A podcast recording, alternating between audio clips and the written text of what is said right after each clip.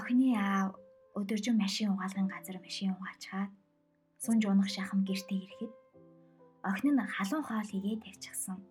Гэрээ цэнцээдлэн цэвэрлчихсэн. Хичээлээ хийгээ сууж байлаа. Хэдийгээр аав нь ихэд гайхсан ч ядарсандаа ч тэрүү нэг их зүйл анзаарсангүй. Харин ч хичээнгүйлэн хичээлээ хийн суух охиноо хараад бахархах сэтгэгдэл төрж байлаа.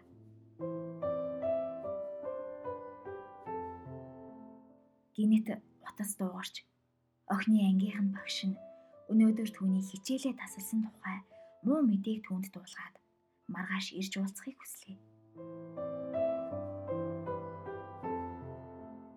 Цэвэрхэн гэр халуун хоолны учрыг сая л мэдсэн аав охиноо загнан уурлаж хичнээн их түнд урам нь хугарч байгаагаа хэллээ. Гэхдээ яг тэр үед охин нь юу ч хэлсэнгүй юу ч дуурсангүй. Бас ямар ч тайлбар тавьсангүй.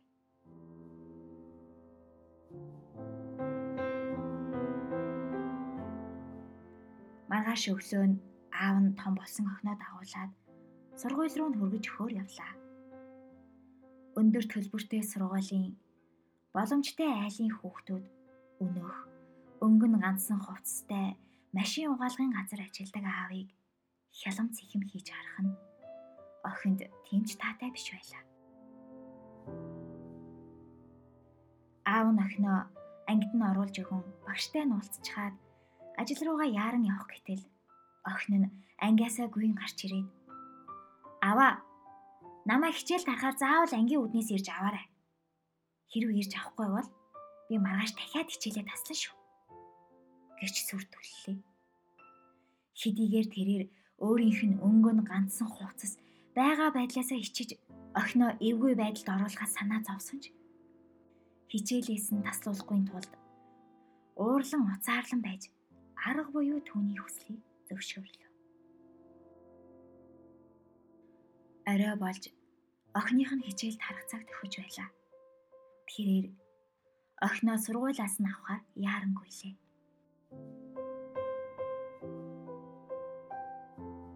Нэг их удсан ч үгүй дунд сургуулийн хичээлийн хонх жингэнэн дуугарч охины ангийн хаалга онгойлоо. Хаалгаар гүйлдэн гарч ирэх хүүхэд бүр охины аавтай мэндэлж түүнийг бахархсан харцаар харж хүндлэн харцгийг хараад юу хэлхээ мэдэхгүй гайхшран зогслоо. Охин нь ангиасаа гүйн гарч ирээд аавдаа өнсөлчгээд багш тантай уулзна гэсэн би төрүүлээд гарч бай гэж хэллээ.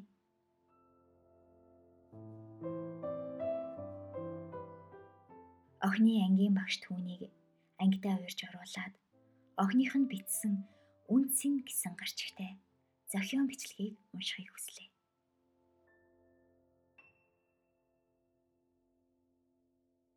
Би өглөө болгон ангийнхаа хүүхдүүд шиг аав ээжийнхаа машинаар хургуулж сургуультай ирдэггүй буусаар л ирдэг. Надад iPhone, iPad байхгүй. Миний сарж өмсөх хувцас цөөхөн болохоор би сургуульдаа ирэхээс чичдэг. Надад кафед сууж, кофе ууж, зармиг идэх мөнгө байхгүй. Тиймээс би хичээлээ тараад ангийнхаа охтуудтай нийлж чаддаггүй. Учир нь миний аав машин угаалгын газар машин угаадаг. Баг цалинтай нэг ажилчин. Би сарын өмнө энэ төлбөртэй сургуулиас гарч өөр сургуульд явахыг аваасаа гуйсан. Тэгээд надад iPhone утас авч өгөхгүй бол би энэ сургуульд сурахгүй гэж хэлсэн. Яагаад гэвэл би аавыг надад авч өгч чадахгүйг мэдчихсэн юм. Тэгэхэд аав минь ганцхан сар хүлээвэл аав нь авч өгнө. Харин чи хичээлээ таслахгүй заавал онд сурах хэрэгтэй шүү гэж цагсан. Өчигдөр амралтын өдөр байсан болохоор би аавтайгаа хамтдаа өсчин орж үсэгийн засуулъя гэж бодоод аавынхаа ажил дээр нь очив. Даргаас нь чөлөө гоёх санаатай ортол. Дарга нь аавыг маань угаах ёстой бүх машинуудаа бүгдийг нь түрүүлж угаагаад галт тэрэгний буудлын руу ачигч хийхээр явсан гэсэн. Гэрлүүгээ харж явах замдаа өөрийн ирэхгүй нүднээс минь нулимс урсан гарч байлаа. Би аавыгаа яасан их өрөвдсөн гэж санав.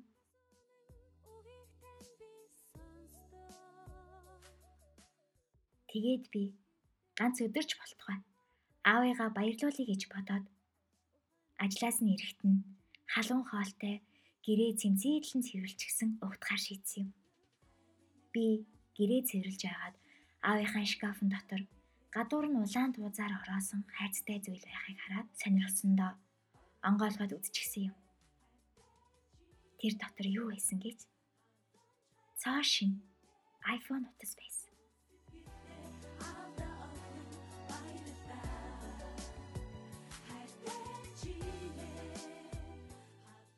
Тийм ээ.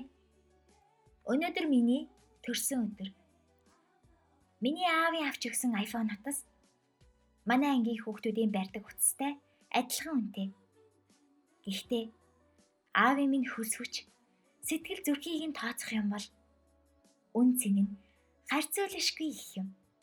Би аавынхаа ачийг хариулж хүслийг нь биелүүлэхийн тулд заавал хичээн суралцах болно. Миний аав Энэ хорвоогийн хамгийн сайн аав. Би аавдаа хайртай. Наран болсон Цайлган сэтгэл